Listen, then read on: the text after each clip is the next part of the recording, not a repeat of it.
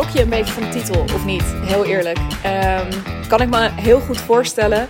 Ehm, maar weet ook dat het allesbehalve clickbait is. Uh, ik wil in deze podcast daadwerkelijk ehm, ja, pleiten tegen. Kun je pleiten tegen iets? Uh, nou ja, waarschijnlijk wel als je ook expliciet zegt dat je voor iets pleit.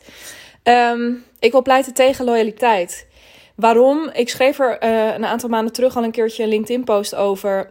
Um, in mijn ervaring is um, loyaliteit uh, is het een veel geprezen eigenschap. Um, uh, zowel aan de klantkant als aan de ondernemerkant. In relaties. Hè. Ik, nou ja, je hoeft first dates, ik noem maar eventjes een zijweg maar aan te zetten. En daar heeft men de mond vol van loyaliteit en trouw. En dat dat allemaal, um, uh, ja, dat dat gewoon allemaal ontzettend belangrijk wordt gevonden. En um, nou, dat is, uh, dat is helemaal prima. Alleen in business is mijn ervaring, is het uh, ook gewoon best wel een bitch. Nou, dan heb ik al twee keer gevloekt. Um, uh, één keer in de titel en één keer nu.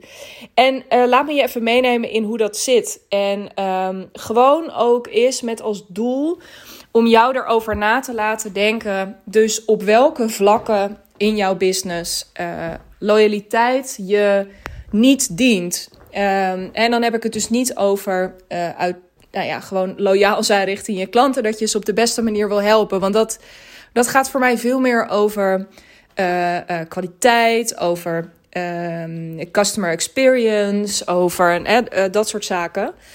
Um, maar dus het is ja, eh, eh, daarin natuurlijk hartstikke mooi dat je dat wil voor je klanten. En er ook heel bewust voor kiest en iets aangaat met elkaar.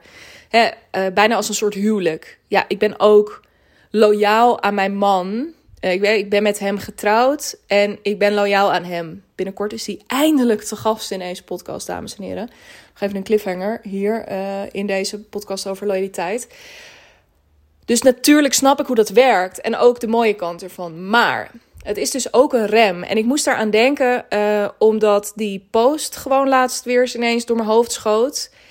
Uh, maar ook omdat ik vanochtend mailwisseling had met um, uh, iemand die een VIP-dag bij mij heeft geboekt. Um, dat doe ik heel sporadisch nog. Uh, ik heb daar niet heel veel plek meer voor. Maar uh, mocht, je dat, mocht je daar interesse in hebben, um, uh, doe dat. we kunnen in één dag waanzinnig veel optuigen voor je business. Um, dus als je dat wil, nou, la, laat me dat weten. Anyway, daar gaat het nu niet over. Waar het wel over gaat, is dat zij contact opnam. En wat had mij benaderd met een business idee. En um, eh, daarvan dacht ze, nou, ik zou heel graag een keer een dag met jou willen zitten om dat verder uit te werken. Uh, dat aan te scherpen, nog eens goed naar doelgroep te kijken, nog eens goed naar de opzet te kijken, nog eens goed naar pricing te kijken. En ook aan de strategie om het aan de man te brengen. Eén op één kun je daar gewoon echt wel in een dag hele fikse slagen in slaan. Dus uh, helemaal te gek. En eh, ja, even later kwam ze met een bericht alweer bij mij van... oeh, ja, maar ik zie nu dat die en die dat ook gaat doen. Uh, en dat vond ik toch even slikken. En dat herken je misschien wel. Hè? Dat je denkt, ik merk het bijvoorbeeld zelf ook wel eens in het proces van mijn boek nu... dat ik laatst dus, ook in het kader van een beetje research daarvoor... Uh, dat ik een boek las waarvan ik eigenlijk dacht... ja, maar dit is wel ook voor een groot deel... dat boek is trouwens Hourly Billing is Nuts van Jonathan Stark... Uh, dikke aanrader. Uh, hij heeft het heel erg over webdevelopment als, als voorbeeld. En het ook wel dus heel erg over de IT en de techhoek. Maar de principes die zijn heel erg uh, mooi. Want inderdaad, hourly billing. Hè, dus op, op uurbasis werken is ook nuts. Maar goed, ik las dat boek en ik dacht, godver. Ja, nog een keer gevloekt. Um, dit is inderdaad gewoon, dit is eigenlijk een boek wat ik had willen schrijven. En nu heeft iemand anders het geschreven. what are we gonna do? Nou ja, goed. Um, ook gewoon mijn eigen boek schrijven. Hè? En ook daar me niet te veel door uit het veld laten slaan. Maar goed, in mijn geval was het dus meer eventjes een soort wankeltje op, oh, zoiets is er misschien al. In het geval van, van deze persoon ging het erover dat ze die ander ook kende en dacht, ja, maar ik wil niet in iemand anders zijn vaarwater gaan zitten. En aan de ene kant is dat, ik denk dat in, in uh, spiritueel ondernemersland dan nu iets zal worden gezegd van... oh, dat is heel zuiver van je om dan naar iemand toe te stappen en om dat uit te spreken. Nou, daar is wat voor te zeggen. Want je zou kunnen zeggen, als het je echt uh, uh, aan het hart gaat... of als het, je, als het op je drukt, dan kan je het maar beter uitgesproken hebben... en er misschien maar beter iets mee doen. Um, hè, en, en daar dus integer en open in zijn en, en dat op tafel leggen. Tegelijkertijd denk ik dat het jou triggert of dat het jou raakt, dat zegt vooral iets over jou en daar hoeft een ander niet per se iets mee. Of een ander. Hè, want waarom je zo'n bericht stuurt, potentieel, is misschien ook even om te horen van: oh, ik vind hè, dat is prima, joh. Um, hè, om, om toch misschien eventjes, dat doen we wel vaker, of even inchecken bij iemand waarvan we weten: oh, dat is nu gewoon even handig om te doen. En als iemand anders daar dan niet super enthousiast op reageert, dat we toch een beetje denken, nou, uh, kom op, hé, een klein bedankje had er wel vanaf gekund. Nee, dat was niet waarom je bij die persoon incheckte. Niet als je echt helemaal zuiver, als we dan toch over zuiverheid willen hebben, uh, niet, niet als we het op die manier bekijken. Um, en dit was dus ook bijna, en want zij was echt wel een beetje op het punt dat ze dacht: ja, maar is dat dan wel helemaal oké om, dat zo, om, om dat te doen? Was ook nog iemand die al met mij werkte. Dus toen dacht ze: ja, en dan, dan ga ik nu ook jouw hulp inschakelen en dan ga ik ook zoiets doen. Um, terwijl ik denk: ja, weet je, um, de kans. Kijk, nu heb ik een hele diverse groep klanten waarbij eigenlijk niemand hetzelfde doet. Um, maar de kans dat er binnenkort weer een keer een uh, uh, content uh, specialist op staat, of een event manager, of een recruitment specialist, die is best wel groot. En dan ga ik niet zeggen: Oh ja, nee, dat kan niet, want ik heb al een andere klant die ook dit doet. Of mijn klant die dan ook niet gaat zeggen: Oh, maar dan doe ik wel een tandje terug om een beetje ruimte te laten voor die ander. Dus daarin um, de loyaliteit aan de ene kant, hè, het, het, het de um, common, uh, hoe noem je dat? Gewoon, ja, de gemene, uh, de gemene deler, gemene of de, of de status quo of zo in, in dit geval is... Oh ja, dat is echt heel goed dat je dat gewoon even dubbel checkt en dat je je daar mee bezighoudt en dat je dat even afstemt en dat je daar dus zorgvuldig mee omgaat. Terwijl ik ook denk, ja, maar um, het kan je dus ook enorm remmen. Want wat nou als zij besloten had om dus niet nu dat idee op te pikken? Dan had ze niet alleen zichzelf een kans door de neus geboord, maar ook haar toekomstige klanten. Dan had ze ook nog eens een keertje de, het, het vak uh, geen dienst bewezen. Uh, door niet deze nieuwe route te verkennen. Om niet vakgenoten te inspireren met, met dat dit ook zou kunnen. Dus er was een heleboel niet gebeurd. Wat allemaal hartstikke goed en mooi. En hartstikke integer en zuiver. Nogmaals, als we toch op die tour willen. Sterker nog, het was dus eigenlijk helemaal niet zo heel erg. Uh, ja, het was loyaal geweest richting die ander. Maar het was tegen nog, tegenover nog veel meer mensen niet loyaal geweest. En in de laatste plaats, of in, eigenlijk in de eerste plaats, was het niet loyaal geweest tegenover zichzelf. Want dat was dus eigenlijk zeggen: Oké, ik weet wat ik wil, ik weet wat ik kan en ik weet waar mijn allergrootste toegevoegde waarde zit. Maar ik doe het nu niet uit, um, ja, uit zorgvuldigheid richting die ander. En dat wil niet zeggen, want nu ga ik hier zitten heel gemakkelijk, lekker op die stoel langs de zijlijn. Daar zijn we allemaal natuurlijk gek op, ik ook. Maar ik herken dat natuurlijk zelf ook. Ik merk ook dat ik, dat, dat ik hier scherp op te zijn heb. Uh, wat betekent dat? Nou, bijvoorbeeld in mijn content um, uh, heb ik echt nog uh, heel veel registers die ik niet opentrek. En heel veel zijn nog onbewust. Uh, hè, dat, dat ga ik een keer ontdekken, welke dat zijn. Maar er zijn er best een paar waarvan ik ook wel af en toe merk... ja, ik weet niet of ik hier nu zo keihard voor wil gaan staan. Want ja, misschien dat een deel van mijn bestaande klanten... dat wel helemaal niet zo heel erg tof zouden vinden. Ik ben gewoon, hè, ik, gewoon om het nu ook eventjes... Um, uh, dan maar gewoon op tafel te leggen. Weet je, voor mij zit dat er ook. Um, uh, iets, uh, een klant niet aanbieden, werk voor een salesgesprek als bonus of als whatever. Omdat ik denk, ja, maar als ik dat nu bij jou doe, dan kan ik dat bij een ander niet doen. Um, een klant niet een. en dat geldt ook voor bestaande klanten. waar kan ik nog meer aan denken?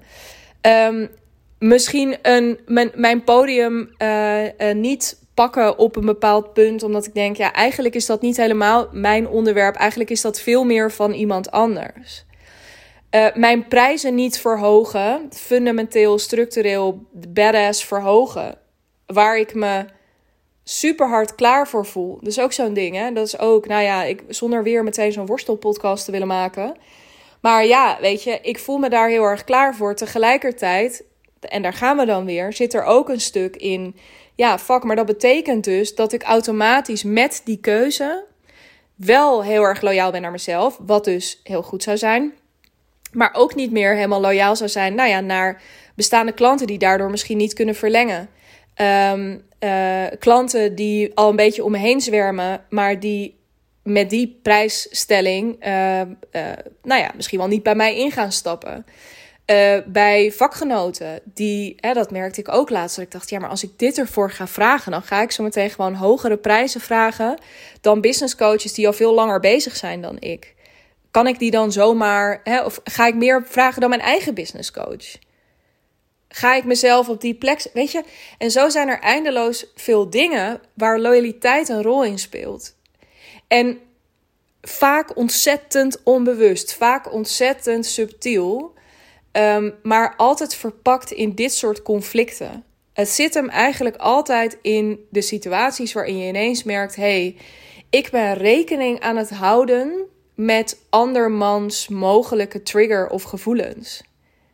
Het kan ook zijn dat je iemand iets hebt verkocht en dat je in de loop merkt van nou, dit is misschien toch niet uh, de beste manier waarop ik je kan helpen. Um, uh, en je eigenlijk denkt, ik zou iets willen op, een andere manier willen vormgeven, maar dat niet doen, omdat je denkt, ja, maar ik heb je nu dit verkocht.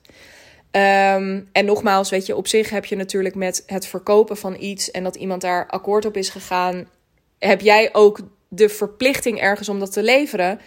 Maar het leveren gaat eigenlijk altijd om het resultaat en niet zozeer op de route daar naartoe. Um, dus in goed overleg uh, is er altijd veel meer ruimte. Maar goed, dat is een andere podcast uh, die ik nog maar eens op moet nemen. Maar, nou ja, maar, maar voel je hoe subtiel en mega verneukeratief dit is.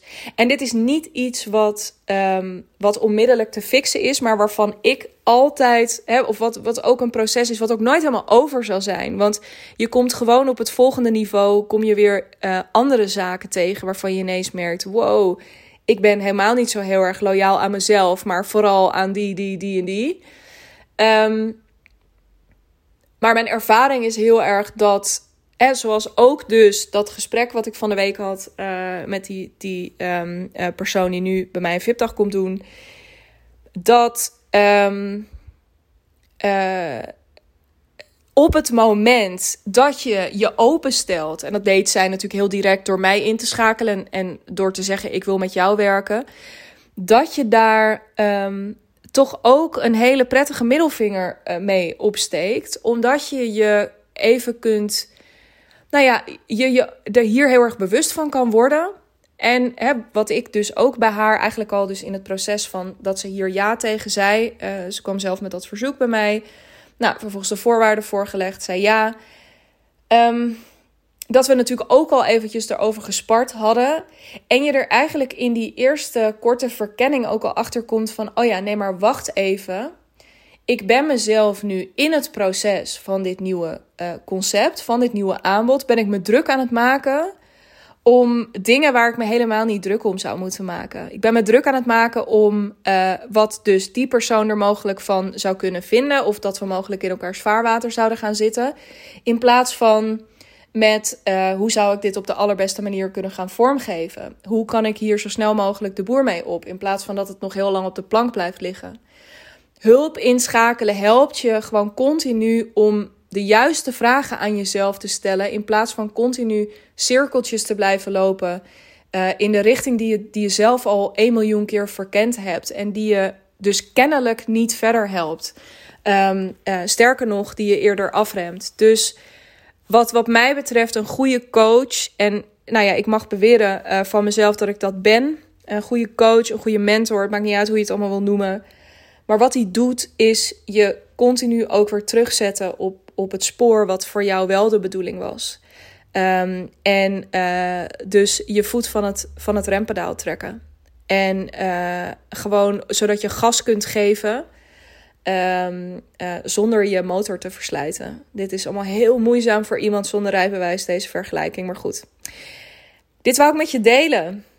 En uh, ik ben heel benieuwd wat dit met je doet. Ik ben heel benieuwd of er stukken zijn in jezelf waarvan jij nu denkt: oh ja, kak, daar ben ik echt veel te loyaal in naar de verkeerde mensen, klanten, vrienden, partner, familie, maakt niet uit. Uh, tof als je daarover met me in gesprek gaat. Zeker ook heel erg benieuwd of er in je business dingen zijn die je, uh, die je daardoor anders wil gaan aanpakken. Uh, laat me dat vooral weten. Weet ook dat ik nog een plek vrij heb voor verdienmodel in een dag op 7 oktober. Dus mocht je even lekker willen proeven ook van wie ik ben en hoe ik werk en hoe dat dan zit met dat ik je help met de juiste vragen stellen dan ga je dat daar zeker ontdekken. Uh, meer info vind je in de show notes. Net als een link naar mijn Calendly. Daar kun je ook je call met mij inboeken. Want uh, misschien denk je ook wel, ja, rot op met je verdienmodel in een dag in een kleine groep. Ik wil gewoon uh, één op één met je werken. Ik wil meteen gewoon de full pool. Um, dat kan ook. Daar boek je je call voor in. dan gaan we in gesprek, bijvoorbeeld over mijn jaartraject.